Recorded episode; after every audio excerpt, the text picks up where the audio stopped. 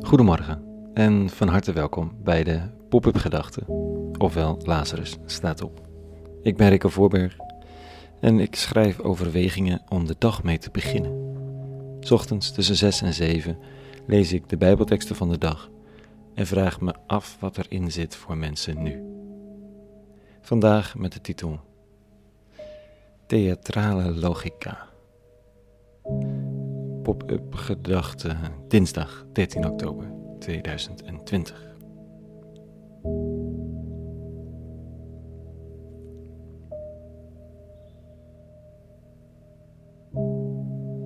Zouden we het vergeten zijn of ontwend, de logica van het theater? Of komt het doordat er zoveel professioneel theater is dat we dat dan theater noemen en, en, en zoveel hobby en spel is dat dan echt theater heet? Het lijkt erop dat het voor de oude profeten, voor Jezus van Nazareth, voor de woestijnvaders, allemaal heel logisch was om theatraal te handelen. Terwijl anno nu alleen nog iemand als Thierry Baudet in een legeruniform aantreedt in de Tweede Kamer om een punt te maken. Tja, binnen theater heb je dan natuurlijk ook nog interessant en minder interessant theater. Waar is het theater gebleven? Ik mis het, mis het een beetje. Ik ben opgegroeid in een religieuze wereld waarin allerlei beelden langskwamen, maar ze bestonden uit woorden. Knappe woorden soms, grootse schetsen, diep bestudeerd, maar altijd woorden.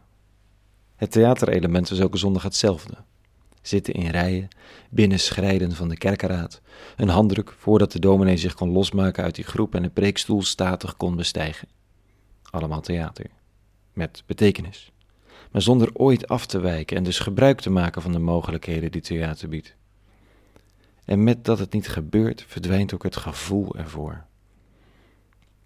Dan krijgt theater, theater een slechte naam, alsof het hol is en leeg is, alsof het aandachttrekkerij is of nep. Alleen voor de kinderen mocht het nog. Dan wordt er wel eens iets tevoorschijn gehaald, een grap gemaakt, de preekstoel wordt ervoor verlaten, de vloer wordt betreden en er werd wat gespeeld, soms goed, soms slecht, maar theater. Voor volwassenen was er niets. Het was al heel revolutionair als de dominee een beeld meenam, dat het voorbeeld wat hij gebruikte kracht bij moest zetten. Dan had hij een voorbeeld over een boot en waar rempel hij had een bootje bij zich. Of over een baksteen, en ja hoor, daar kwam een baksteen tevoorschijn. Aanschouwelijk onderwijs. Een kleine teen heel voorzichtig in het water van het theater. Terwijl we er toch allemaal zoveel behoefte aan hebben. Om te kunnen zien, ervaren, voelen, horen, ruiken desnoods. We hebben al die zintuigen, een heel lijf. En we parkeren in die kerken die hele machtige machine vol mogelijkheden in een stoel waarin het zo weinig mogelijk mag bewegen. Waarin er niets te zien is voor de ogen. En mag het hoofd proberen vat te krijgen op de woorden. En een reactie die plaatsvindt enkel in het zingen. Dat is nog wel krachtig trouwens. Dat zingen brengt opeens iets. Daar, daar gebeurt iets van theater als het goed is. Vandaag lees ik dit over de rabbi van Nazareth. In die tijd nodigde een fariseer Jezus uit de maaltijd bij hem te gebruiken. Hij trad dus binnen en ging aanliggen. Toen de fariseer dat zag, stond hij er verwonderd over dat Jezus niet eerst voor de maaltijd de wassingen verricht had. Maar de Heer sprak tot hem: En gij dan, fariseer, Gij maakt al de buitenkant van de beker en de schotel schoon, maar van binnen bent u vol roof en slechtheid, dwazen. Heeft hij die de buitenkant maakte ook niet de binnenkant gemaakt? Geef liever wat erin is als aalmoes, dan is voor u alles rein. Die entree is zo mooi en zo dwars ook trouwens. Alle essentiële reinigingsrituelen overslaan. En de bas, beste rabbi loopt als een olifant door de porseleinkast. Het is moeilijk voor te stellen hoe dwars dit is. Maar het lijkt toch een beetje als iemand die uit een regenbui doorweekt het huis van de gastheer binnenstapt en al druppend met jas aan en schoenen vol water aan tafel gaat zitten waar alles gedekt staat, kaarsen aan.